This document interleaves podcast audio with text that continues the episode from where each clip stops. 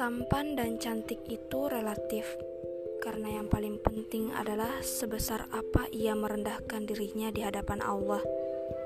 Hai para salihi yang sedang berjihad di jalan Allah, semoga selalu istiqomah.